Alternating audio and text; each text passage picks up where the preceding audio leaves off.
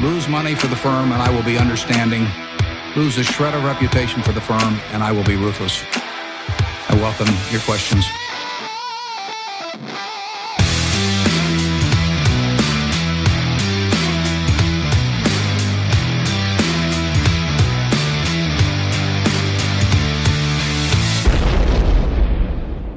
Välkomna till Kvalitetsaktiepodden. Det är jag som är Ola. Ja, det är jag som är Klas. Det här är avsnitt nummer 58 som spelas in onsdagen den 8 januari. Mm. Eh, ska ut på lite äventyr imorgon här, så vi fick, Jobb. fick jobb ja. Mm. Eh, så vi, vi passar på. Ja, och det passar ju bra för ur leder tiden. Jo. Ute är det barmark. Ja, det är galet. Ja, och på depån är det mest likvider. Mm.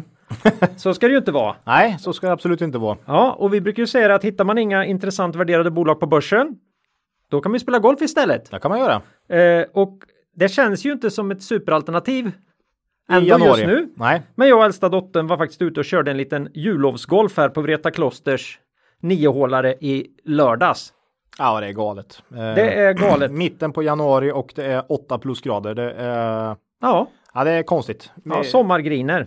En vän till mig klippte gräset här faktiskt för Ja. två veckor sedan. Då, det växer faktiskt nu. Eh, Så att ja, nej, det är skumt. Ja, det är galet. Ja, vad har du gjort då? Förätit dig på knäck? Eh, Firat jul och nyår som sig bör. Det Mm. är tagit det väldigt lugnt helt enkelt. Inte jobbat något heller. Nej, det är ovanligt. Mm. Eh, vänt på dygnet och spelat mycket tv-spel med min sexårige son då. Eh, Ja. Nintendo.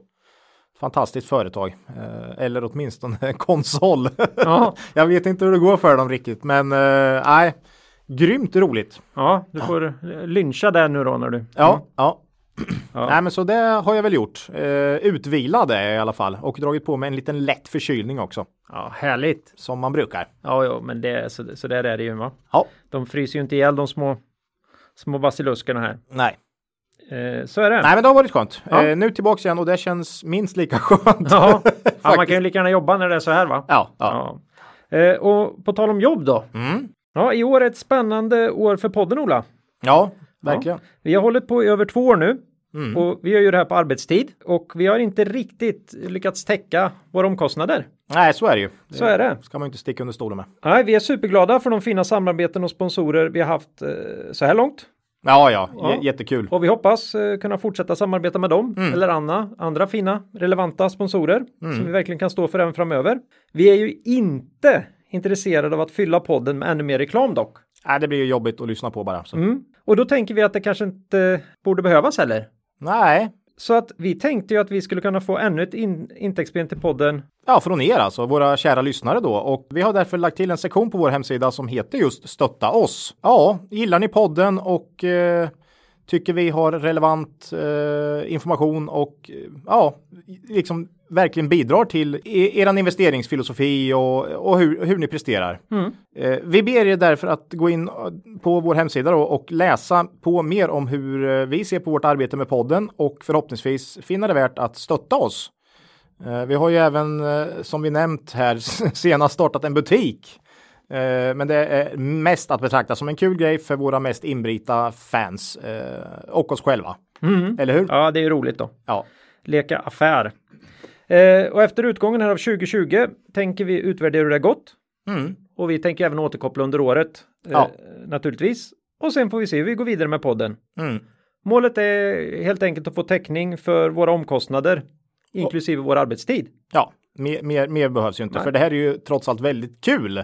Men eh, vi vill ändå få täckning för, för den tid och de kostnader vi har, så att säga. Ja. Mm.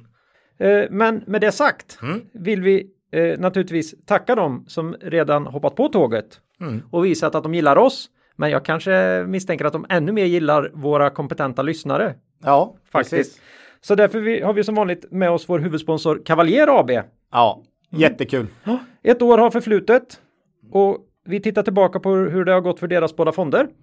Ja, Cavalier Quality Focus plus 28 procent under 2019. Då ska man komma ihåg att det var en blandfond fram till 5 augusti.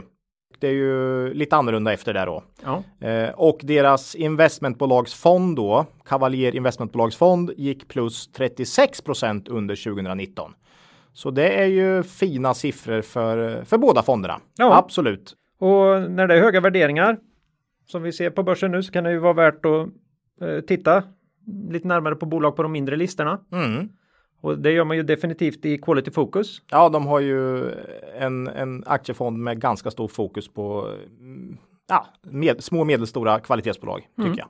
Så eh, kan absolut vara ett intressant alternativ. Ja. Men då ska man också komma ihåg då att hi- historisk avkastning i fonder inte är någon som helst garanti för framtida avkastning. Så är det ju. Det Mm. vet man ju själv i, i portföljen. Det kan vara extra viktigt att säga det ett år när börsen har gått upp 30 procent. 30 procent kanske. Ja, ja. Men vi säger eh, tack till vår huvudsponsor Cavalier AB. Stort tack. Börsdata Ola, Ja. det är ju eh, vår äldsta och längsta samarbetspartner. Mm. Värdeinvesterarens bästa vän. Utan tvekan. Ja, de storsatsar ju nu eh, med sin börsdata.se terminal. Och här vill vi åter trycka på att de lagt in en koppling då till den fundamentala analysen på den vanliga hemsidan. De här bitarna kommer naturligtvis till terminalen också, men de kan liksom inte göra klart precis allt Nej. innan de launchar en sån här grej. Eh, man, man har en liten, inte bolagsnamnet i screenern där, så, så kan man göra ett litet, ett litet val nu Just det. och eh, då kan man välja att gå till analysen. Och då kan man tycka det är extra eh, bra att veta det här då. Eh, för att George har nämligen eh, fixat en lista på alla bolag vi har haft med i podden fram till årsskiftet här. Ja, jag vet inte om lyssnare på Twitter trodde att det var vi här, men eh, det är faktiskt George eh, Ja, ja. på Börsdata som har, som har gjort det här. Så att Det här, det här skulle vi ju i och för sig kunna göra Ja, själva, vi. men för Men- att vara säkerställa att det inte blir någon skit av det. så, Så, så, så, eh, så fick George göra det här då. Eller han gjorde det. Je- Han gjorde det. Stort tack. Mm. jättetack. Eh, jag kommer lägga ut eh, den där länken i, eh, i beskrivningen av det här avsnittet Mm. och även vi har lagt ut den på Twitter. Får se om jag kastar ut den en gång till där då. Det är inte alla som är på Twitter heller. Nej. Nej. Så den finns Mm. där. Just det. Tack, Nej. tack Börsdata. Tack så mycket. Och innan vi går vidare i avsnittet vill vi påminna våra lyssnare om att aktieinvesteringar alltid innebär ett stort risktagande. Aktier kan både gå upp och ner i värde. Satsa därför aldrig kapital på aktier som du inte är beredd att förlora. Det vi säger i podden ska aldrig betraktas som köp eller säljrekommendationer. Gör alltid din egen analys av bolagen innan eventuell handel. Ja, idag, det är ju långt ifrån rapporttider för bolag som har så att säga normala Ja, ja, så är det. rapportdatum i alla fall.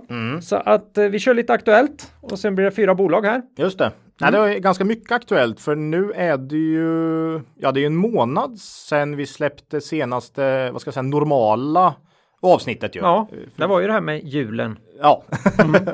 För eh, förra avsnittet var ju en intervju då med AQs vd Mm. Anders Karlsson. Eh, Så att ja, men det har ju hänt lite. Mm. Så man får väl köra lite recap eh, här och först tänkte jag då börja med ett litet avsnitt som jag kan kalla Dagens Industri här faktiskt. För Oj. idag läste jag ju ganska ja, huvud eh, vad ska man säga, huvuduppslaget i Dagens Industri var ju eh, Gerhard Eng- Engström då och eh, Systemair. Mm. Eh, jättekul då faktiskt och eh, det är kul. Han säger att han ska pensionera sig när bolaget når large cap. Det tyckte jag tyckte jag, ja men det är härligt. Det är ett va? härligt mål. Nu har de i och för sig 9,5 miljard i börsvärde så det är liksom 500 miljoner kvar bara. Mm. Det, det, det är liksom 10 procent upp bara. Nej, 5 nästan. Ja, 5 procent upp va? Nej, just Så det, han säger är att jag tänker gå i pension.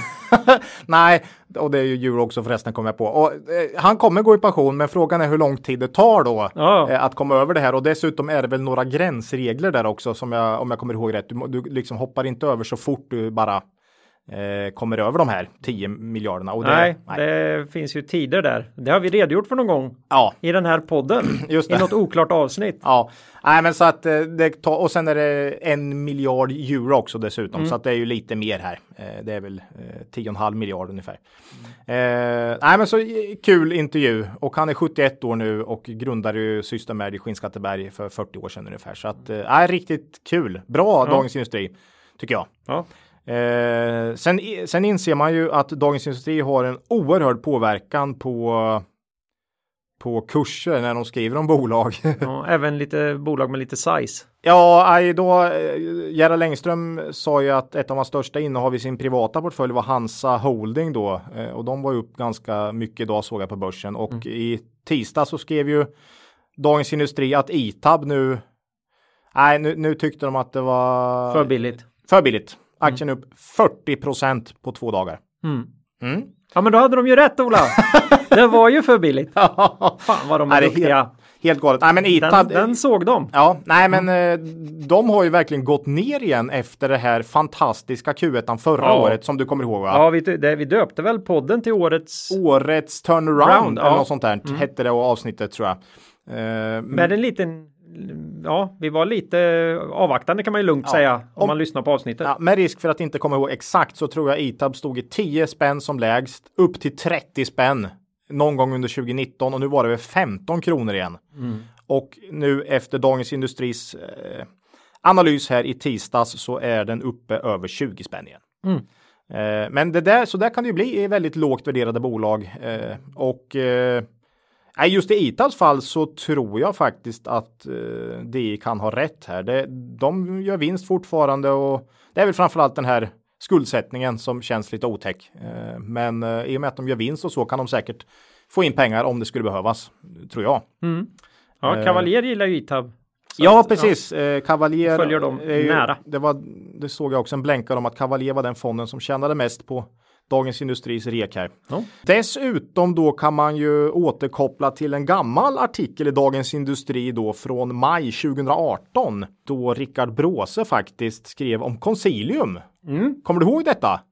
Ja, eh, vi tyckte att det var en anmärkningsvärd riktkurs som sattes där. Ah, det, ja, det var väl att den skulle dubblas ungefär då, Ja. skrev man. Och eh, ja, eh, aktien gick väl upp. Om jag kommer ihåg rätt så var det nog 30, det var väl lite ITAB. Mm. Eh, Den gick upp 30 procent på två dagar. Och sen släppte vi vår podd och sa att men, ni måste väl, herregud, ni måste tänka lite själva också. Inte bara kastas in. För eh, Consilium är ju ett bolag med väldigt svag historik av att få ner eh, resultat på sista raden. Och dessutom en skuldsättning som, det var väl då du tog till det här beryktade eh, Mest luttrade investerare att rådna. Just Mm. det. Nej, men det var ju väldigt hög. Jag vet fem, sex gånger ebitda och något sånt där. Mm. Så att jag, vi tyckte ju att Rickard Bråse tog i lite Mm. när, han, när han satte den eh, reken så att säga. Eh, och det blev ju rejäl snedgunga här för Dagens Industri. Eh, aktien föll väl efter de här. Den gick från 40, sp- 50 spänn då som den stod i då. Mm. När den här artikeln kom till kanske 70 spänn då. Eh, på bara några dagar. Mm. Och sen så har det ju varit fritt fall i, egentligen i Consilium eh, fram till ja, här i december. Mm. Eh, det vill säga då gick den från 70 spänn till 40 kronor. Men nu då, vad hände? Jo, eh, ett, man säljer av ett, sitt by far största dotterbolag. Det är egentligen hela bolaget, men man säljer det för 3 miljarder. Det är ju ett helt sanslöst pris. Eh, fantastiskt att man kan få ut det eh, för det här bolaget tycker jag. Eh, All heder till ledningen för de har ju liksom inte kunnat leverera något resultat på sista raden i Consilium. Nej, Så att, ser... att man ändå tog, tog tillfället i akt här och gjorde något som verkligen gynnar aktieägarna för Consilium har ju varit ett sorgebarn på börsen verkligen. Eh, vad vi sa och menade när vi sa att man, eh, det är liksom tveksamt att kasta sig in i köp efter en sån här artikel. Det är ju mycket att bolaget har ju inte levererat. Nej. Och det har fortsatt under 2019, det är ju förluster. Eh, och att dessutom substanscase inte är något som vi generellt gillar. Nu blev det ett Man substanscase. vet ju aldrig när de faller ut. Nej, vi har ju pratat Essity. Det var ju folk som pratade i i SCA i 15 år att man skulle knoppa av den där delen. Eh, och eh, hade man väntat 15 år i Consilium kanske den hade varit nere på 10 spänn va?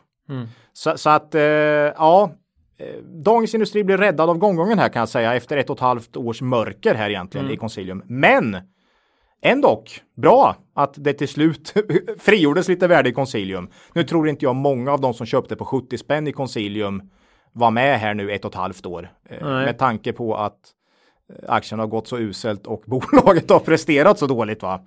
Men eh, ändå, till slut får man väl ändå ge lite rätt till, till Rickard Bråse. Mm. Även om vi inte gillar substanscase för det kan ta betydligt längre tid än vad man tror. Ja, vad har hänt med vinstvarning XXL här i veckan? Mm. Inte konstigt.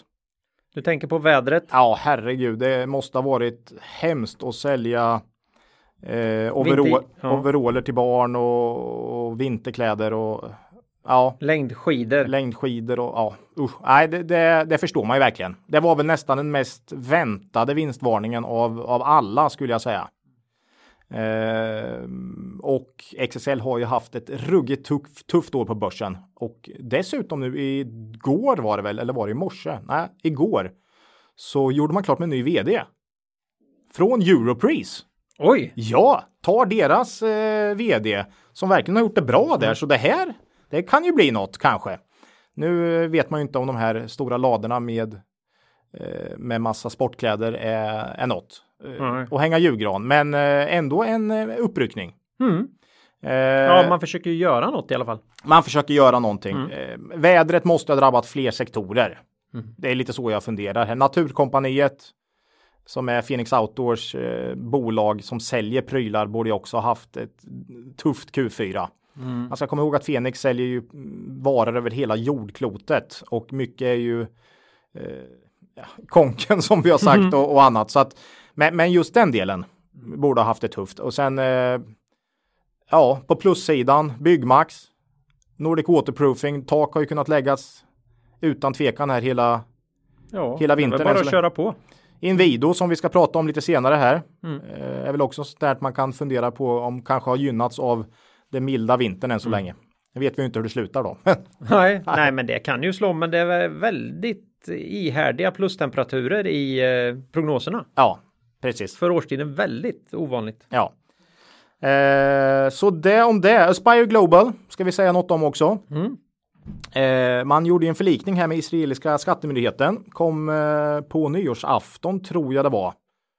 Eh, så det kändes lite påskyndat eller ville man få ut det för årsskiftet bara. Men eh, Sånt där kan vara en slump också. ja, jag vet inte. Men ja, väldigt svårt att, att säga faktiskt. Eh, det kom i alla fall på nyårsafton eh, och det blev 14 miljoner euro då. Eh, 150 miljoner alltså. Mm. Mycket eh, i skattetillägg för åren 2008 till 2018 och tänker man att det är 10 års skatt så kanske det inte är så där eh, sjukt mycket ändå. Mm. Får se om det har någon påverkan framåt också. Ja, det vet man ju inte Nej. och det tycker jag är lite spännande. Det är klart, det, här kommer ju påverka Q4-resultatet. definitivt.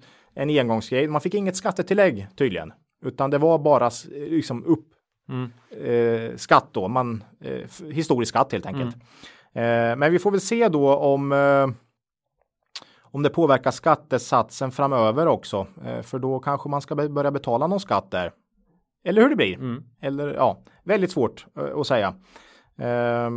Va- ändå får man väl säga att det kan vara positivt här och det var, man, som man skrev i det här pressmeddelandet var ju att man valde en förlikning istället för en utdragen tvist och eh, en lång tids osäkerhet. Så man, man brandade lite som att man ville ta ner en osäkerhet för marknaden här. Och det gör man ju. När man vet så att säga, man får ett belopp här.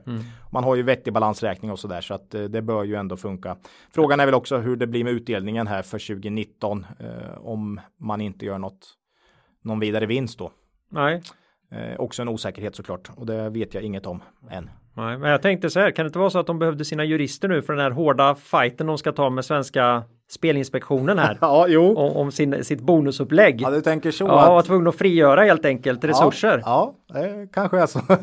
Ja, ja, ja. som är Nej. 2 procent av deras marknad. Spelbolagen har det fortsatt tufft. Eh, Betsson drog sig ur Danmark såg jag här med ett av sina märken i veckan och eh, Leo Vegas eh, lägger ner Royal Panda i UK såg jag också så att och det köpte man ju som ett varumärke för att ta sig in på den brittiska marknaden så att ja, det är tufft eh, på många håll. Är det. Det var inte länge sedan de köpte det.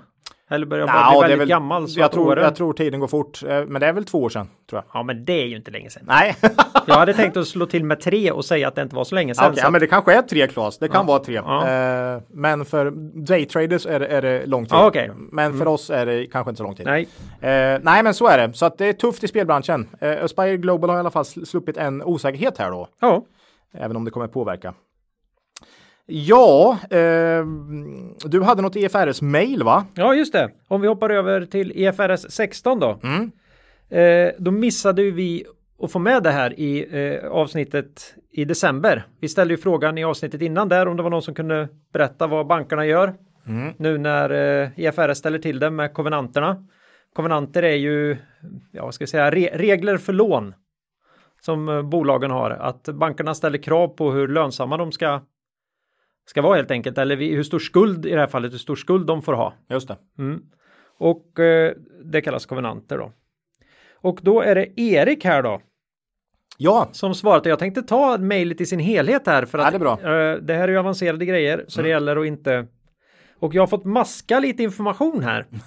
okej. För jag vill inte outa Erik eller hans Nej. arbetsgivare Nej. eller kund som vi kan säga då. Mm. Så här skriver Erik till oss. Hej! Ni diskuterar EFRS 16 i det senaste avsnittet. Jag har fram till nyligen jobbat som revisor och reviderar då bland annat ett noterat bolag med inhyrda PIP som sedan EFRS 16 poppat upp i balansräkningen. I detta fallet gjordes en överenskommelse med banken om att räkna dessa PIP på gamla sättet för att inte riskera konvenanter etc. Mm. Jag kan inte gå i god för hur bankerna resonerar i samtliga fall, till exempel retail med ännu högre påverkan av IFRS 16. Men i detta fall gick banken i alla fall med på att säga, så att säga stryka effekten av IFRS 16 Okej. vid konvenantberäkningen. Mm. Vid framtida låneförhandlingar antar jag att konvenanterna kommer att sättas inklusive IFRS 16 i beräkningen och då tillåta eh, exempelvis lägre soliditet från början än vad som varit fallet tidigare. Just det. Tack för en kanonpodd! Ja, Med vänliga här, hälsningar Erik. ja Och stort. då vill jag också berätta här Mm. att den här brevskrivaren Erik egentligen också heter Erik. så att inte det blir något miss, missförstånd där. finns ju en hel del Erik här i Och sen Sverige. kanske man också ska säga, han säger att det är en bra podd. Då är det ju alltså ett antal avsnitt sen. Han säger det, så han kan ju ha ändrat sig Ja. idag. Ja, men stort tack för mejlet där. Mm. Och det, det bekräftar väl lite som vi trodde där. Det var väl lite så vi var inne Och det på. fanns ju inget, det, det här låter ju inte speciellt clean. Nej, Vi, vi, får, vi får hitta på något här då. nej.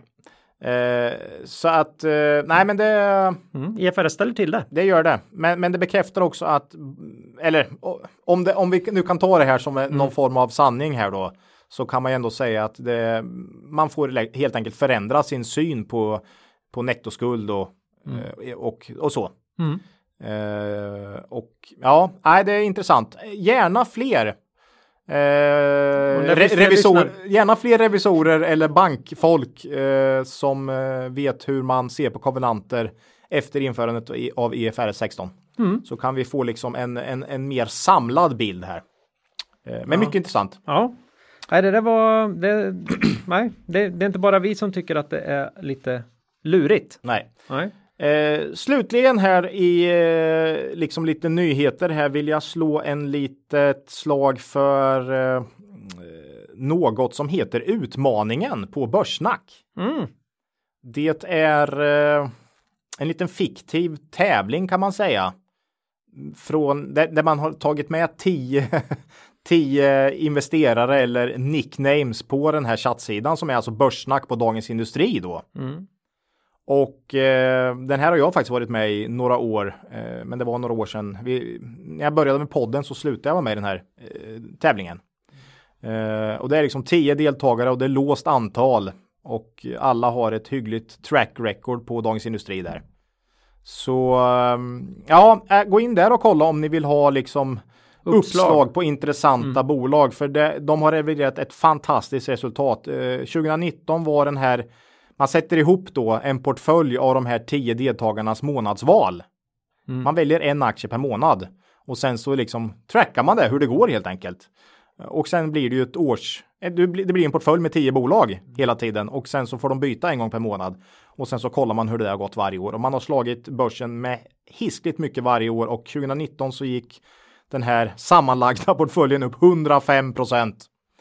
Eh, Och det här har väl nu pågått i snart tio år med fantastiska resultat. Så det är, tycker jag är, nej, jag tycker det är värt att slå ett slag för det här. Gå in och få lite inspiration eh, om man letar eh, värdecase på mindre listor. Faktiskt. Ingen backtrading heller, utan det är ju vad det är. De skriver ju innan månadens start helt enkelt vad, vad de, vilket, vilket de väljer. Mm. Så ja, ett tips Ja. från oss. Det heter alltså... Börssnack eh, utmaningen. Mm. Man söker på det bara så Ja, du går den. in på Börssnack eh, som är på Dagens Industri och så söker du på utmaningen. Eh, Alltid intressant med långa motiveringar också när de väljer sina månadsval. Mm. Så du kan verkligen eh, läsa på om bolagen. Mm. Ja, nej, men det är alltid, man behöver många källor idag för att hitta case. ja, verkligen. Är, ja, så det är det. är dyrt. Ja. Mm. Eh, så är det. Ja. Det var aktuellt. Mm. Ja, det var ju väldigt ovanligt mycket aktuellt kan man säga. Jo, men det har också gått ett tag sedan senast. Ja, men jag vet varför då. Det är för att vi har ovanligt få bolag idag. Ja, det har vi ja, faktiskt. Ja. Så att eh, vi får väl helt enkelt beta av mm. Eh, den här eh, skörden av fyra bolag och vi tänkte ta Beijer Alma, ER Systems, In, eh, Invido och Sobi. Ja. Som nykomling här. Ja. Ett, och ett, ett läkemedelsbolag Ola, det Oj. måste vara första. Ja, vi hade ju de här eh, New Nordic Health Brands, ja, men det... de är ju inte nej, läkemedel nej, på riktigt alltså. Nej. nej. Nej, så det här är ju läkemedelsbolag då. På riktigt ja. På riktigt. Mm. Mm. Eh, så är det. Men eh, vi kör igång. Ja! Beijer Alma. Precis.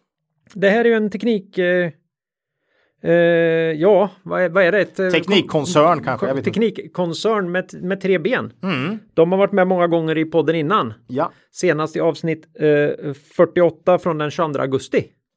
Ja, ett halvår sedan ungefär då. Ja. Uh, Beijer Alma, nej, fint bolag. Men det var ett tag sedan nu då vi, vi, vi pratade om dem och precis som det mesta så har det gått väldigt starkt på slutet den här aktien. Plus mm. 30 procent på tre månader. Mm. Och det har ju inte varit bra för värderingen kan man ju säga. Eh, men jag tänkte ändå kolla bra, till. Bra för ägarna. Bra för mm. om man säljer eh, kanske. Ja. Mm. Eh, nej men 2019, eh, det är, ju, det är ju slut men det är inte redovisat än. Utan nej. det är bara nio, nio månader som är redovisade. Då. Första halvåret 2019 var det var ingen vidare. Orderingången minskade organiskt med 12 procent under första halvåret. Det är ju svagt, riktigt svagt för att vara Beijer Alma faktiskt. Omsättningen minskade med 2% och resultatet sjönk med 5% Vad man har gjort under 2019 faktiskt är att börja förvärva en hel del. Eh, och det kanske är för att man tyckte man inte riktigt kunde hålla uppe omsättningstillväxten eh, organiskt då. Mm. Så man har faktiskt gjort fem förvärv under året och man är ju inget liksom Indutrade historiskt direkt, utan man har ju gjort lite förvärv då och då mer, men äh, i år har man gjort fem mindre förvärv ska man säga. Mm. Totalt blir det inte 10% av omsättningen, kanske 7-8. Något sånt. Eh, man har gjort förvärv eh, lite runt, inte bara, absolut inte bara i Sverige, det är runt om i Europa och eh, det, efter årsskiftet har man även gjort klart med ett förvärv i England. Eh, och ja, det är kanske så man tror man ska kunna driva lite mer tillväxt nu då. Eh, de här förvärven satte avtryck i Q3 som kom in ganska bra faktiskt. Omsättning plus 13 procent, orderingång plus 9 procent. Och det var ju faktiskt inte bara så att det var. Det måste funnits organiska grejer. Ja, precis. Med. Helt plötsligt så var det ju faktiskt lite bättre också organiskt då. Så Q3 var ganska bra i Beijer Alma faktiskt. Eh, eller det var organiskt ungefär oförändrat mm. eh, liksom. Eh, men men de här förvärven bidrog bra då. Resultatet dock ner cirka 10% i Q3. Eh, och det var då det största dotterbolaget Lesjöfors som orsakat det här resultattappet och framförallt var det då, eller det var chassifjädrar som tappade över 20 i omsättning i Q3. och det är väl kanske det mest konjunkturkänsliga här. Faktiskt. Mm. Och eh, lastbilsmarknad och eh, fordonsmarknad har inte varit jättebra här under under andra halvan av 2019. Helt enkelt. Vi får väl se hur Q4 kommer in här. Eh, de två andra dotterbolagen, Habia Cable och Beijer Tech, redovisar dock starka siffror. Riktigt bra siffror tycker jag i Q3. Mm. Så att, ja, nej, Beijer Alma är ju ett kvalitets... Det har vi pratat om förut att de har, de har ju väldigt olika ben att stå på. De här, de här behöver inte gå nej varken bra eller dåligt samtidigt på något sätt. Och det tycker jag syns när man mm. kollar historiken det... på, på, på Beijer Alma för det blir all, faller aldrig igenom totalt Nej. för att det växeldrar lite helt enkelt. Eh, för de har ganska olika inriktning de här tre eh, dotterbolagen då. Eh, Lesjöfors är ju dock störst så mm. det får ju ganska stort genomslag då. Eh, nej men Beijer Alma är ett kvalitetsbolag här och jag tycker det visar här att man kommer igen så pass starkt i Q3 också. Uh, och man har ju en superhistorik verkligen. Uh, senaste tio åren har omsättningen ökat med 12% per år och vinsten är upp med cirka 10% per år då. Och marginalerna har eh, alltid varit en bra bit över 10% varje enskilt år. Och det, och det där, mest av det är organiskt alltså? Mycket är organiskt mm. faktiskt. Kompletterande förvärv, men mycket är organiskt. Man snittar en rörelsemarginal på 14 procent, vilket är väldigt bra. Eh, ja, om inte konjunkturen klappar ihop här fullständigt så borde man nog kunna leverera en vinst per aktie på kanske ja, 8 kronor eller lite över för 2020.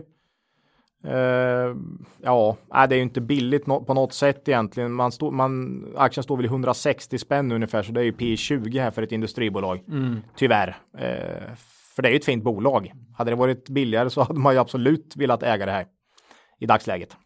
Eh, direktavkastningen om man håller den, vilket jag tror man gör, man har aldrig sänkt så vitt jag vet. Väldigt stark historik där. Den landar på ungefär 3% och det är väl okej, okay, men faktiskt också på 10 års lägsta mm. och det har väl att göra med att P talet är på 10 års högsta då. så är det ju va. Har du hittat en korrelation Ola? Ja, precis. Uh -huh. ja, man har en bra balansräkning, eh, kvalitetsbolag, eh, men värderingen känns eh, fortsatt lite för hög för att vi ska kunna köpa där. P15, 17 hade, ja, nej, 17 hade jag nästan kunnat ta här med tanke på att räntorna är på noll i dagsläget. Ja. Eh, det är ändå ett väldigt välskött bolag, men 20, nej, det finns ingen margin of safety alls där. Nej, kicken här eventuellt är väl att nu vet, nu dröjer ett tag, men att om, om de börjar förvärva lite mer mm. och visar sig vara hyggligt duktiga på det då. Ja, då kan du ju få en extra kick här. Mm.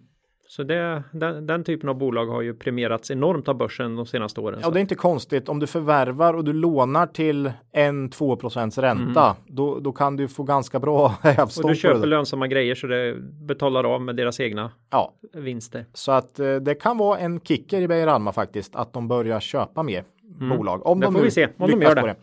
Eh, men som sagt, utkik. lite för högt då tyvärr eh, värderat för att vi ska köpa i dagsläget. Mm. Men annars en vettig Q3 tycker jag. Vi får se hur Q4 kommer in här. Mm.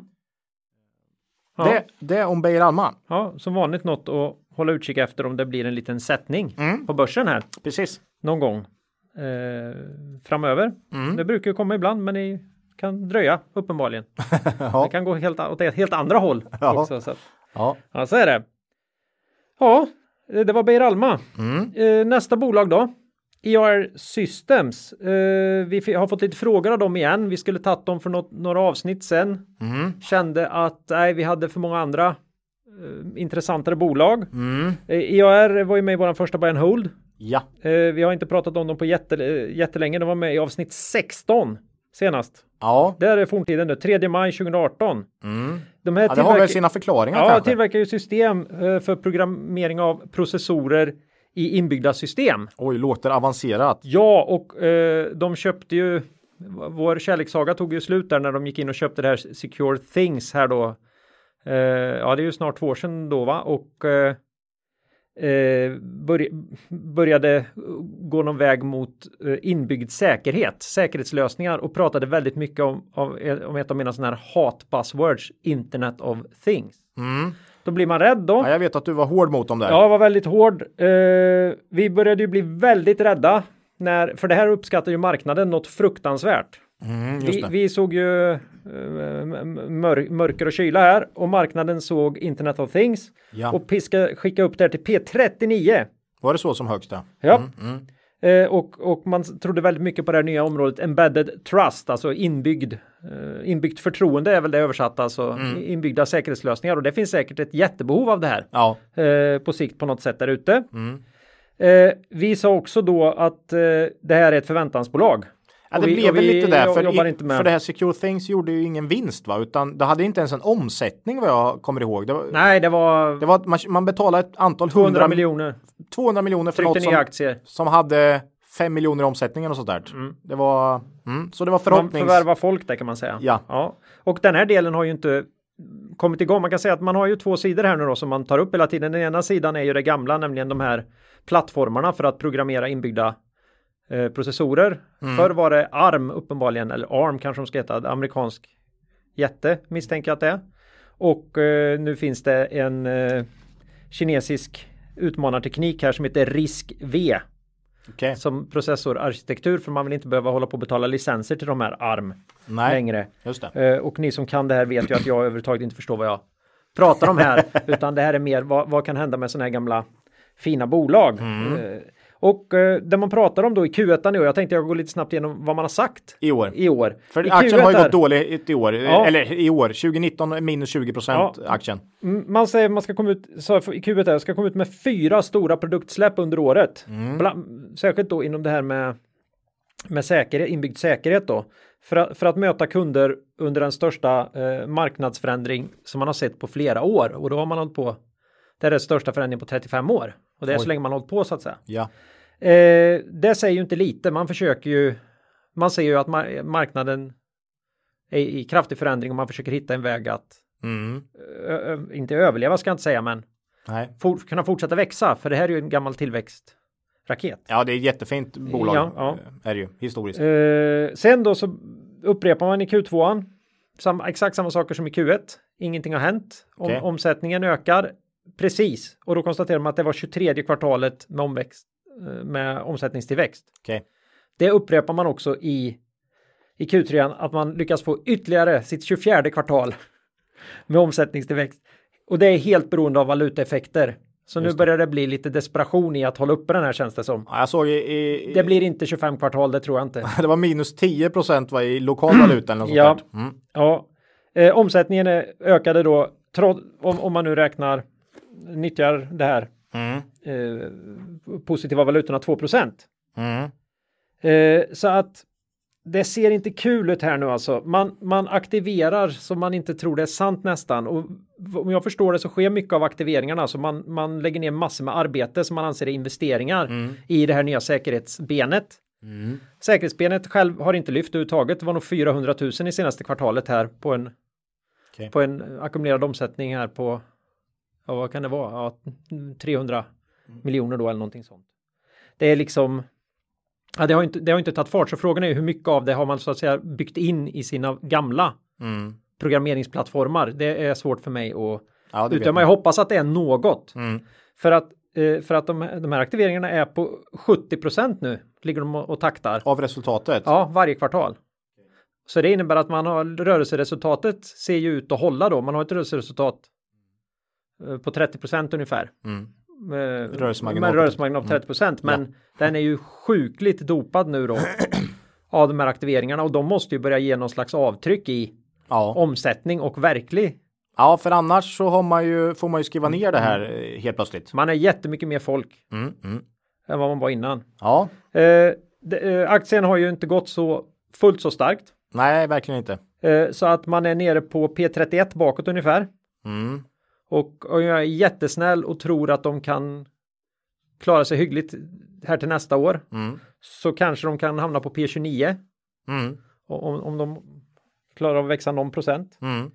Eh, ja, det växer inte längre. Nej. Lönsamheten sjunker kraftigt. Mm.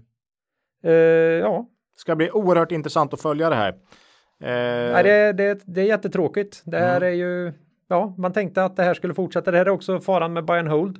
Det kan komma tillbaka, men vi tog in det är det, något här. helt nytt. Ja, vi tog in eh, EOR i våran första buy and hold Mm. på 170 spänn någonting om jag kommer ihåg rätt. Sen var det väl uppe i 270 tror jag. Mm. Och nu är vi nere på 180 någonting igen, eller 190 i alla fall. Eh, så att... Eh, Nej, jag speglar ju mm, spara till mina barn eh, utifrån våra Mm. eh, buy and hold. mm, Delvis mina egna pensionspengar och sådär. Det här är väl det enda bolaget som jag har sålt. har eh, sålt. Som jag har känt att det hör inte hemma längre. Så Mm. Nej. Nej, just det här när de förvärvar Secure Things och det här, det, det blev lite nytt där. Mm. Och vi har inte sett något på, det blev verkligen som du befarade där lite. Ja, tyvärr. Eh, eh, det, det blir inget bra här, i alla fall på kort sikt. Ja, alltså jag hoppas ju att de kan vända det här såklart, Mm. för det, i grund och botten har det varit ett fantastiskt välskött och fint bolag som vi hoppas verkligen vänder. Och, eh, ja, ska bli intressant att följa, men just nu känns det verkligen osäkert tycker jag. Mm. Eh, EOR Systems. Ja, jag, jag hittar ingen eh, Nej. jag, jag hittar inget liksom att ta avstamp i här. Nej, Utan de måste bevisa att Mm. de hittar nya affärer här. ja. Nej, och P30 är fortfarande högt då. Mm. Eh, Nu är det ju ett, ett hype, eller det är ju ett sånt bolag som folk gillar, mjukvarubolag och sådär, men, men visst. Och då måste man komma ihåg att det är P30 med 70 i aktiveringar just nu. Som Just inte har en aning om vilken effekt. Nej, Om de någonsin kommer få igen de pengarna. Så Nej, att, nej, eh, nej, det vad, är, vad är P1 här? ja, ja. Nej, bra, bra, Scary stuff. ja. Mm. Jaha, det var, det var ord och inga visor. Ja, jag vet inte. Det, var, eh, det har inte varit så roligt att ta Nej. dem, men vi kände också det i och med att de är med i vår första buy and hold. Ja, och vi inte ett har av de pratat- starkare bolagen. Ja, första året första var väl det som gick bäst av Ja. alla våra bolag nästan. Så att, ja. Ja, eh, så eh, Intressant. att ta upp. Vi får se. Jag såg också att de hade vänt eh, en eh, 100 miljoner i nettokassa till en nettoskuld här också. Så Ja, jag att, eh, tog inte upp dem. De har ju, men det är ju, de har ju en helt okej balansräkningen Ja, är ju ja, ja. jättefin. Nej, den så den jättebra. tog jag inte ens upp Nej, här. nej. Eh, Mm. Jaha, EOR. Vi Lämnar dem. Ja, det gör vi. Och hoppar in på Inwido. Ja, det är något helt annat. Det är något helt annat. Mm. Där borde vi ha varit med Ola. Ja, det, Det är en sån där vi hela tiden sitter och tittar på och sen ja, Ja. varit med lite grann. Ja. Men aldrig liksom Nej, ingen inte på conviction. riktigt. Inte på riktigt. Fönster och dörrar för allmänheten. ja, Eh, och som vill känna sig som en del av eliten. Va? ja, elitfönster. Ja, Ja, elitfönster, ja. En bra, eh, snygg, snygg koppling där då. Jag försöker köra på spåret. Ja, till skillnad från EOR här så är det ju verkligen något man förstår sig på då så att säga. Ja, Ehm, de var med ganska nyss, avsnitt 44, 44. Mm. eh, 13 juni. Mm. 13 juni, ett halvår sedan. Ehm, jo, Inwido bottnade här kursmässigt någon gång under sommaren då på ungefär 50 spänn. Och de drog sig med i det här eh, Swedol, Byggmax, eh, Nordic Waterproofing, bygg, eh, byggrelaterat skräcken på något sätt. Mm. Och var väl nästan det som fick störst smäll av alla tror jag, Inwido. Jag, jag, eh, ja, de verkligen Men det finns någon, det var ju också den här Brexit Ja. eh, skuggan över Inwido också. Ja, men de har inte gett, men visst, kanske lite. Mm. Eh, och sen dog ju vdn och äh, det var ju så Mm. oerhört många saker som var jobbiga här förra, ska man säga, 2018, 2019 Mm. för Inwido helt enkelt. Eh, precis som Beijer Alma dock, 40% plus här senaste tre månaderna. Mm. Eh, Det behöver ju i och för sig inte säga någonting. Det viktiga här är ju hur har, har bolaget gjort? Ja, precis. Med 40 procent, eh, precis, det, vad har bolaget gjort? För mycket har gått upp sista tiden. Ja. Men faktiskt bygg har fått en viss revansch som sektor också Ja, på börsen här senaste tiden. Kolla Nordic Waterproofing, eh, budet på Swedol etc.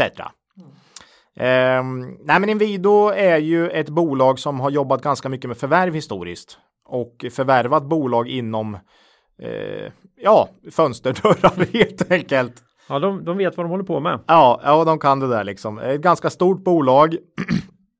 Eh, och 4500 anställda nu och ganska brett då i Euro Europa. Danmark, Estland, Finland, Irland, Litauen, Norge, Polen, Rumänien, Storbritannien, Sverige och Tyskland. Eh, och eh, jag tycker ändå man har klarat sig ganska hyggligt under 2019 med tanke på hur marknaden och hur nog jag kände att det skulle kunna ha gått under 2019 när, när man liksom började året. Eh, för man har faktiskt eh, i stort sett stått stilla under 2019 både vad gäller omsättning och resultat. Och det är, det är helt hyggligt. Det är helt okej. Och dessutom, precis tvärt emot Beijer Alma så har man gjort Beijer Alma har börjat förvärva. De här har helt slutat.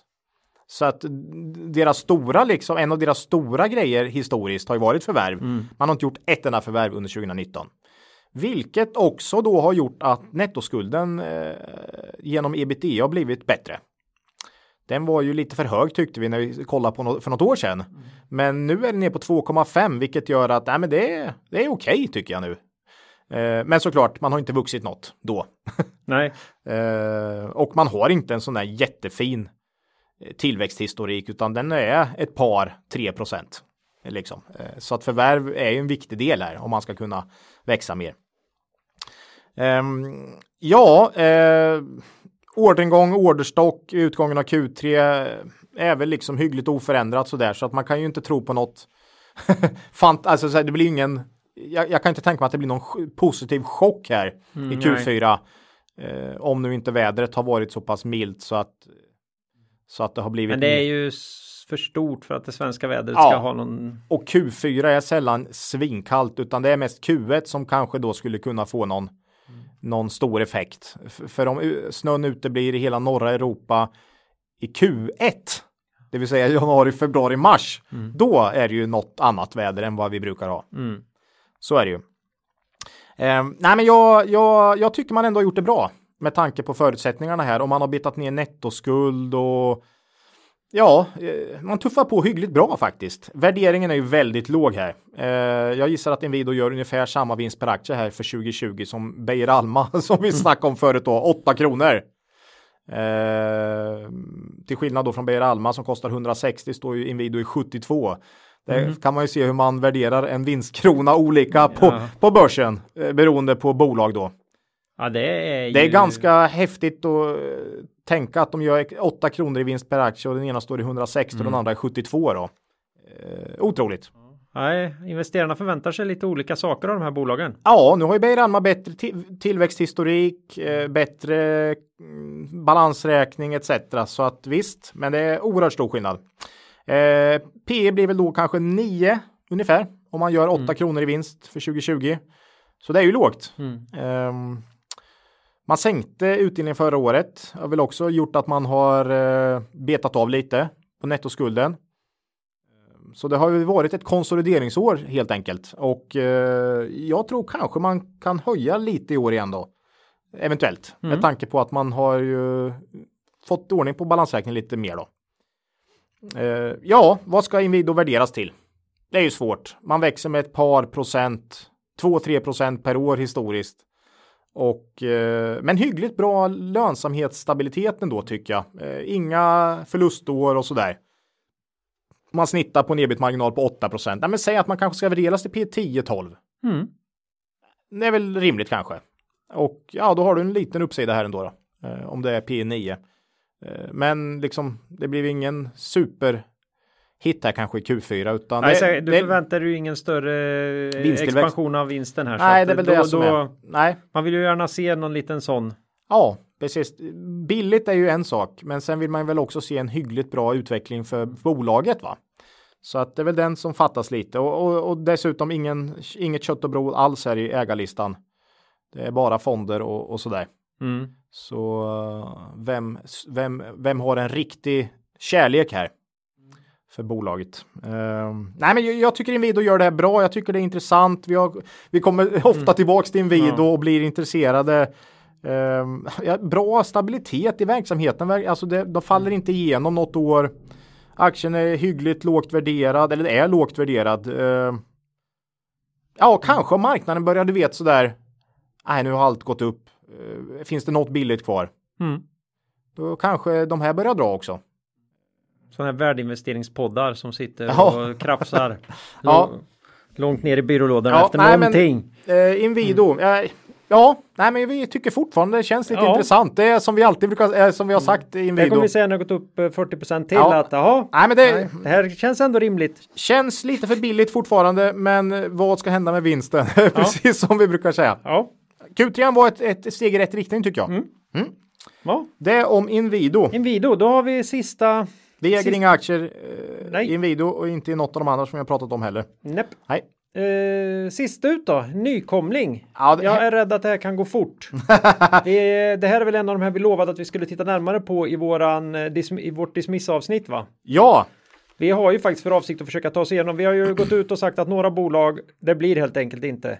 nej, Distit till exempel. Men, men, men SOBI, S-O-B-I va? Swedish Orphan Biovitrum. Mm. Det är ett fantastiskt namn. Kan man köpa bara på det Ola? det här är ju läkemedelsbolag eh, med en hel hög olika produkter men de är ju absolut mest kända för en produkt för, mot blödar, blödarsjuka. Mm. Är som sagt en lyssnar, eh, vad ska man säga? Ja, inte bara Öns- en, en, en önskan. Många, som, önskat Sobi. Mm. Jag förstår varför lite, även om det här är ju verkligen inget, om vi kan börja säga så, det här är ju inget kapbolag här. Kvalitetsaktiepodden-bolag överhuvudtaget egentligen. Det är läkemedelsbolag. Man började visa vinst så sent som 2015. Eh, man har ingen utdelning. Man värderas till nästan 50 miljarder. Det är ju ett jättebolag här på large cap. Så, så det är många saker som gör att det här är verkligen inget. Men vi har lovat. Och därför ska vi ta en koll på Sobi. Och jag förstår dem för att P talet börjar ju gå ner här. Eh, och har gjort så senaste året. Så det är väl därför många sträcker ut en hand till Kvalitetsaktiepodden och undrar eh, är det, är det snart ett kapbolag det här? Mm. Är, det är det tillräckligt billigt? Vi har ju tyvärr sagt det någon gång att förr eller senare blir allting tillräckligt billigt. ja, det finns ju något pris för allting. Ja, precis. Uh, nej, men kollar man sjuårshistoriken här. Jag gillar ju lång historik. Mm. Nu hade ju bara vinsten 2015, men omsättning kan man ju kolla. Oerhört imponerad tillväxt. 30% per år i sju år nu mm. i, i omsättningstillväxt. Uh, väldigt bra. Aktien har också haft en fantastisk utveckling på börsen sedan 2012. Kolla den grafen alltså. Den är magisk. Man har väl gått från 20 spänn. Uh, toppade förra sommaren på 300 tror jag. Mm. Nej, man toppade 2018, sommaren 2018 så var det ja, på 300 spänn. Så det var från 20 till 300 spänn och sedan sommaren 2018 eller september 2018 så har aktien fallit från 300 till 150 spänn. Och därav har frågorna börjat strömma in till mm. kvalitetsaktiepodden då. Eh, vad händer här? Mm. Det har liksom halverats då, börsvärdet på ett och ett halvt år. Men, men alltså bolaget har tuffat på? Ja, till synes faktiskt, för omsättningen har fortsatt ticka på väldigt bra i Sobi. Eh, man kan säga att Investor är största ägaren här med 36% av kapital och röster också. Så namnstarka ägare här. Mm. Eh, ja, jag vet inte om vi ska gå in på de här olika preparaten egentligen. Det är ju hemofili då som är deras största produktgrupp. Det är ju blödarsjuka och, och så. Eh, men även inflammationssjukdomar och, och andra genetiska sjukdomar. Ehm, man har ju eh, ganska brett över hela världen faktiskt eh, och eh, ja, har ju blivit ett stort bolag mm. helt enkelt. Ehm, deras största läkemedel är dock det här Elocta som står för 30% av intäkterna då. Och det är ju såklart där många investerare riktar blicken för att se om vad som kan komma i framtiden. men om man kollar då på 2019 för Sobi. Aktien har inte gått bra, men eh, man har faktiskt omsättningen har fortsatt öka väldigt starkt. Eh, det är väl resultatet som inte riktigt har hängt med.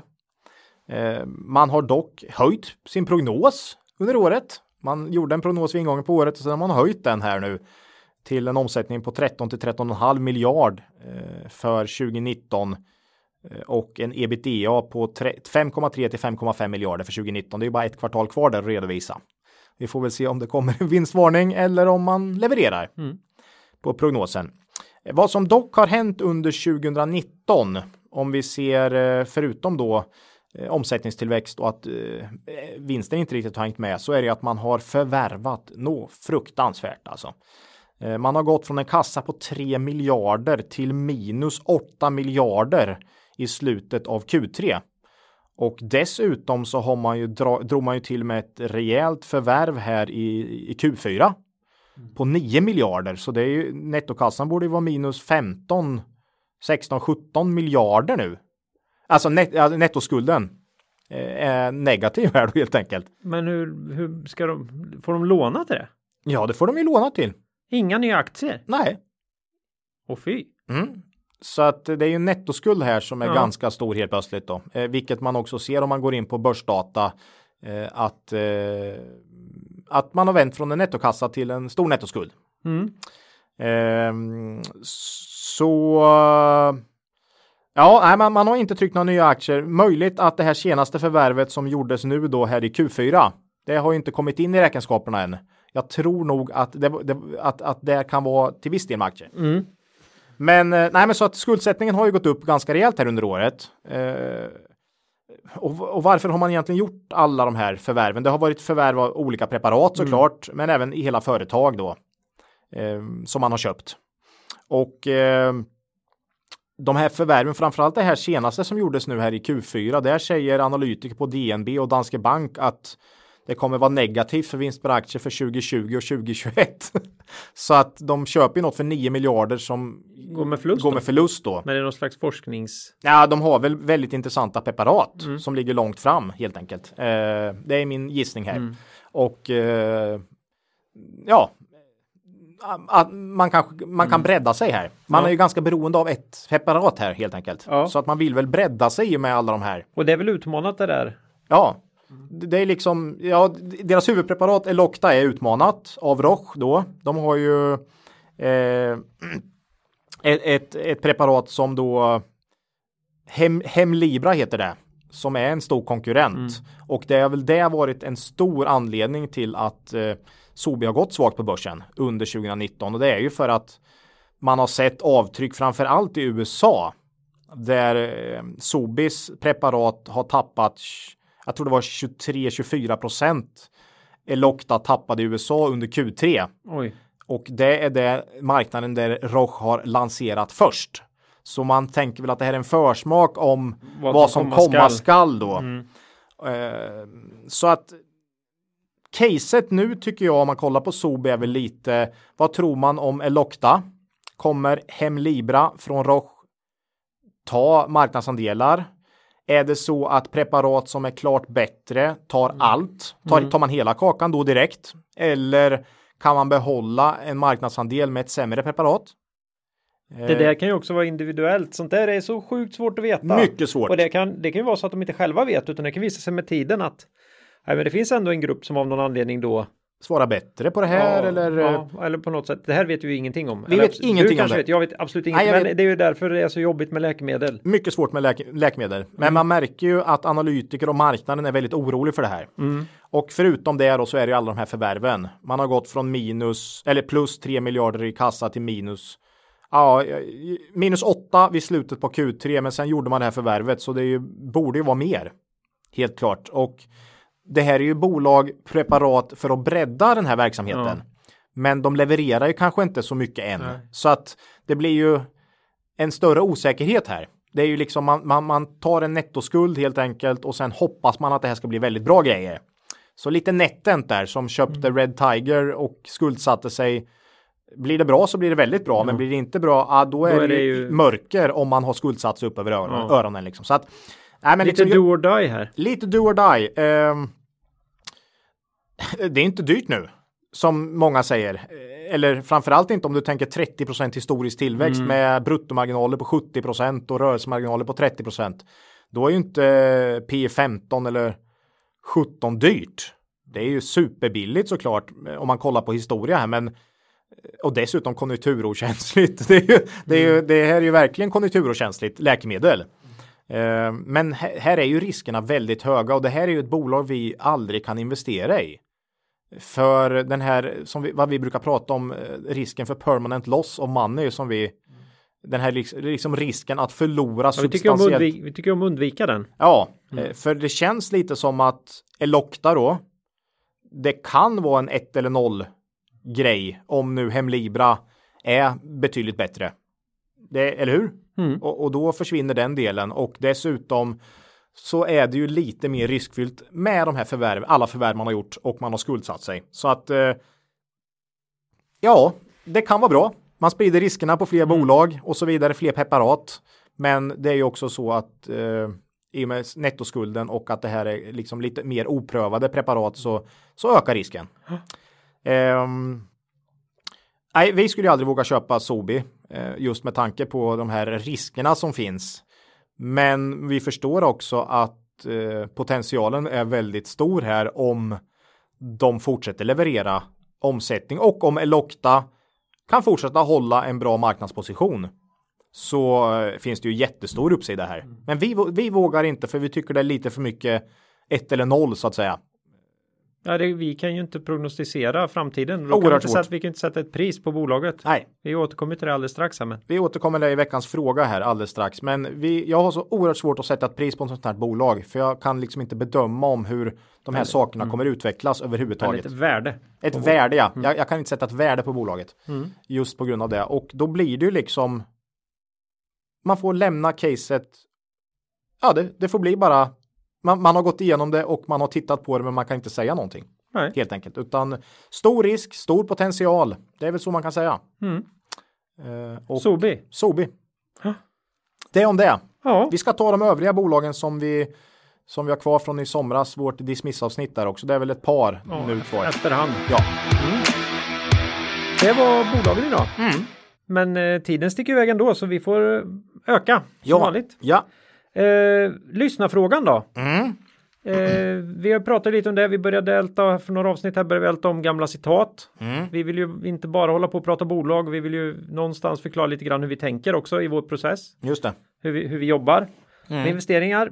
Och eh, då tar vi den här, för vi har ju fått den på lite olika sätt. Och den är ganska rakt på. Inte minst när vi hade aktiepub här innan jul. Mm, just det. Eh, den här får man veta. När ska man köpa och när ska man sälja? och, Ja, den och där- kan man ju tycka är en lustig fråga då så att säga. Men Nej, oerhört anledningen till att grundläggande. vi får den är för att vi verkar tycka att vi vet. Att det är liksom lite givet för oss. Mm. Och, och hur, hur, vad är det vi vill ha sagt med det här? Vad, vad är svaret på den här? Hur, hur vet man det här? Nej, men vi, vi, ja, för det första, ska man veta när man ska köpa så måste man ju också veta eh, om någonting är värt sitt pris. Det, det är ju där man får börja hela, hela svaret tycker jag. Du måste ju kunna ha en idé om vad ett bolag är värt för att du ska veta om du ska kunna köpa, om du ska köpa eller inte. Det vill säga du måste veta om det är billigt. Har du inget värde på bolaget, ett, vad du tycker, räkna fram ett motiverat värde så kan du omöjligt, omöjligt veta om det är billigt eller inte. Vi pratar om att det finns ett vanligt sätt att investera på börsen. Då är det ofta det här vi säger att folk investerar inte utifrån vad de tycker att det här bolaget ska vara värt. Nej. Eller vad man kan tänka sig att det ska vara värt i framtiden. Utan utifrån någon slags annan parameter. Det här verkar vara populärt. Gud vad, när, vad den har gått bra. Den här aktien, den kommer nog gå bra en stund till. Och de här till, tillverkar elbilar. Jag tror det blir mycket elbilar i framtiden. Den typen av Den- resonemang den ofta makro, resonemang makrotrender som man drar in Ja. i bolagen. Ja. Och vi tror ju inte att det finns någon hållbar, speciellt långsiktigt hållbar strategi där. Man har svårt att överleva sättningar på börsen i alla fall då. Utan, utan vi tror att man behöver helt enkelt göra jobbet och skaffa sig själv en åsikt om vad bolaget är värt. Och då kan man tänka sig, för man skulle ju inte handla saker ute, vi köper ju många andra saker i vardagen. Mm.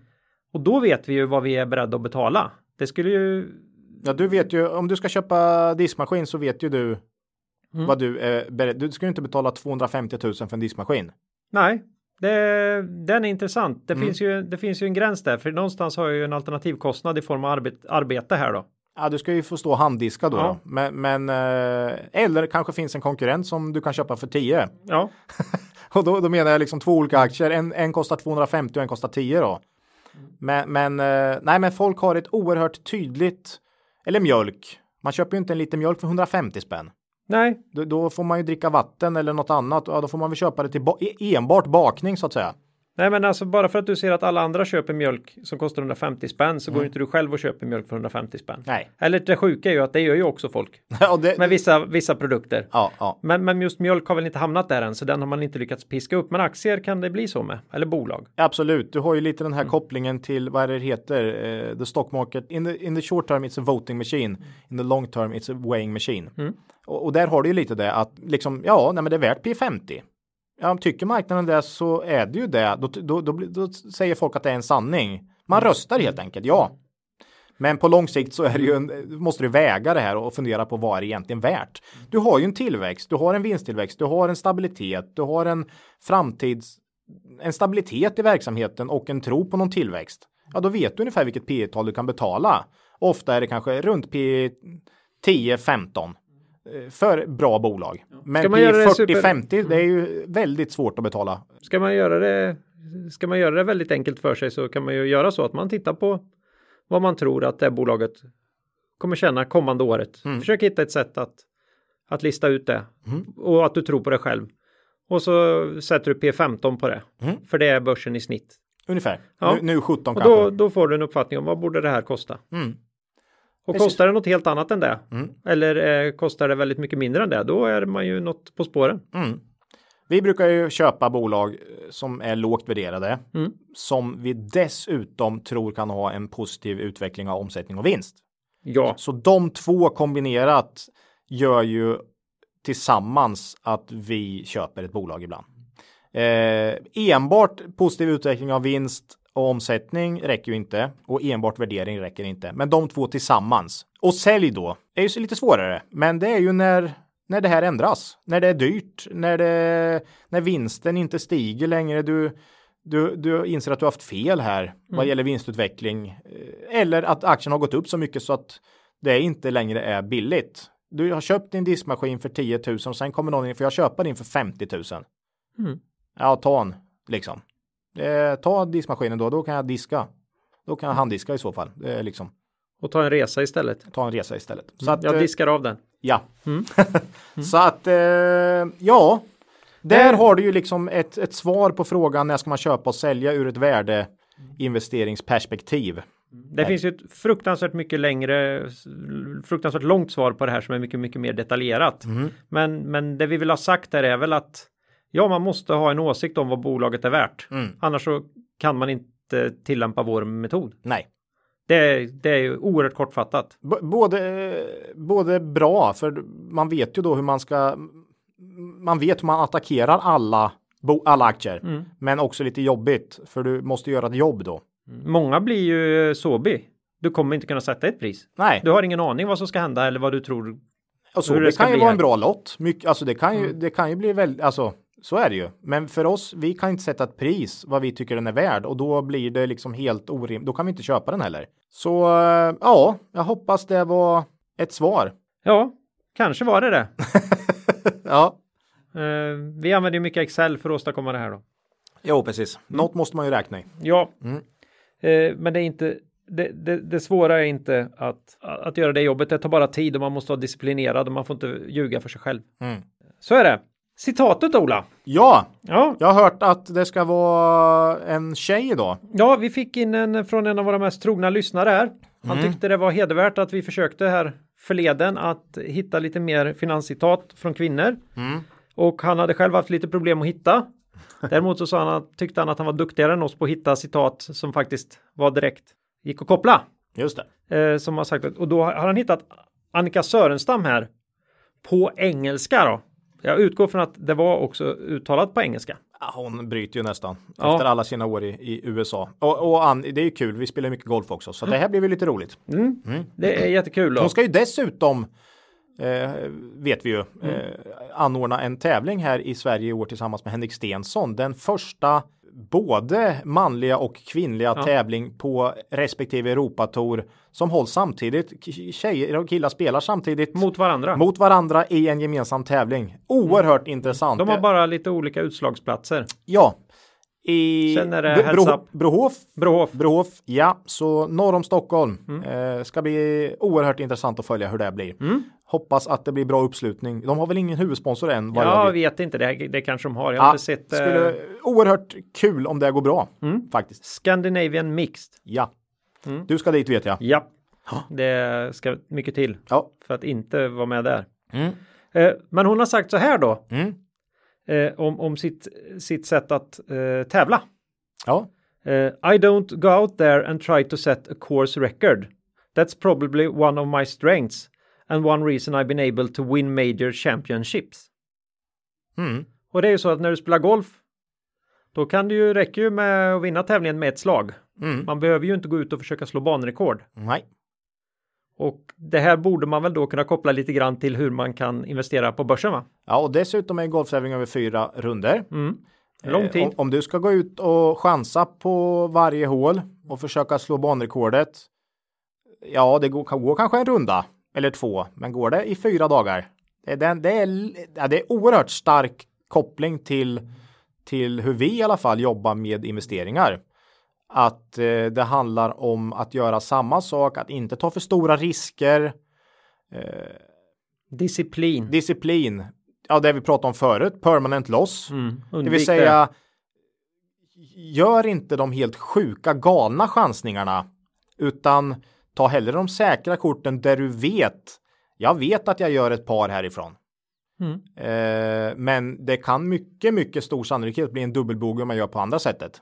Alltså, ja, nu, för, förlåt för lite golftermer här, men, men ändå, alltså det är det är en jättestor koppling till vårat sätt att investera. Eh, Joel Greenblatt har bland annat sagt My largest positions are, aren't the ones I think I'm going to make the most money from. My largest positions are the ones where I don't think I'm going to lose money. Han investerar inte mest i det som han tror har störst vinstpotential utan i det som har minst risk. Att Som är bra men minst risk Riska, till förlust. ja, Riskaversion. riskaversion och det är väl det Annika tar upp här också. Eh, Ja, oerhört bra citat tycker jag och tänkvärt. Definitivt. Jag tror det är en vinnande strategi över tid Att inte ta för stora risker helt enkelt. Eh, och att försöka leverera vettigt varje dag så att säga. Nej, hitta hellre en investering med rimlig avkastningspotential men med så låg risk Just det. som möjligt. Ja. Mycket bra. Mm. Tack för det, säger vi Annika. Mm. Och eh, grattis till alla framgångar. Jag förstår varför det har gått så bra när jag, när jag läser det här. Ja, Mm. eh, det var vad vi hade idag Ola. Ja, Eh, nästa avsnitt. Torsdag den 23 januari. ja, då ska vi ju begrava vår utdelningsportfölj för eh, all framtid. Mm. Har vi tänkt. Det, eh, ja, så det är ju något att se fram emot. Ja, det är inte våran kopp, kopp te. Nej, och vi tror ju egentligen inte på det som ett sätt att överprestera mot börsen överhuvudtaget, vilket vi har satt, sagt också från början här. Eh, Man skulle Men ändå, önska- ändå önska- gjort det som någon form av Övning. experiment och övning. Ja. Mm. Man skulle önska att vi hade gjort oss till här, men det har vi absolut inte gjort. Nej, Det, vi, vi gjorde Ja. verkligen vårt bästa Ja. försök på utdelningsportfölj. så... ehm, Två olika angreppssätt. Mm. Lika dåliga utfall kommer ni få se här. Ja, det var inte så, alltså, men klart sämre än börsen. Ja. och, och då är det inte okej. Då kan man ju lika gärna ta en indexfond liksom. Mm. Så uh, Ja, ja. Det beror på vilket tids, tidsperspektiv man har också. Mm. Eh, så det kommer, det blir nästa vecka, annars har vi ingen aning, eller nästa avsnitt. Nej, vi har nästa veckas fråga klart också. Eh, annars är det väldigt blankt. Eh, faktiskt. Och väldigt få rapporter har hunnit komma in 23 januari. Så det blir, eh, Kanske ytterligare någon dismiss då. ja, Mm. förhoppningsvis. Något nytt bolag. Hoppas vi kan hitta någonting Ja. lite, lite spännande. Ja, vi får ju säga att vi har mycket likviditet och svårt att hitta bolag också. Så Mm. att, eh, och så är det ibland. Eh, det är en del av det. Ja. Det gäller att våga sitta på händerna. Mm. Eget ägande då? Ja, det går väl hand i hand med det vi har sagt. Nej, vi har inget här va? Ja, eh, du tog upp eh, Byggmax Ja, som, som okej. någon slags väder, Ja, vädervinnare. ja. vädervinnare. Ja, där jag, eh, vi sitter på Byggmax. lite byggmax. Eh, lite, lite grann. Just det. Eh, ja, vill ni kontakta oss så kan ni eh, mejla oss på kontaktet kvalitetsaktiepodden.se. Vi Mm. är ganska bra på att svara där. Hyggligt. Kommentera på Twitter. Där är vi också Jättekul. hyggliga. Jättekul. Eh, vi finns på Facebook, där är vi ganska kass. Ja, väldigt kass. Svår plattform tycker jag att jobba med. Eh, och sen finns ju naturligtvis vår hemsida kvalitetsaktiepodden.se Mm. som vi har pratat om innan idag här. Eh, vi vill också påminna er om att gå in och eh, på Cavaliers hemsida Mm. och läsa på om deras fina erbjudanden. Ja, Ja, men eh, då säger vi hej då det gör vi. och kom ihåg Det är först när tidvattnet drar sig tillbaka som du får se vem som badat naken. Lose money for the firm and I will be understanding. Lose a shred of reputation for the firm and I will be ruthless. I welcome your questions.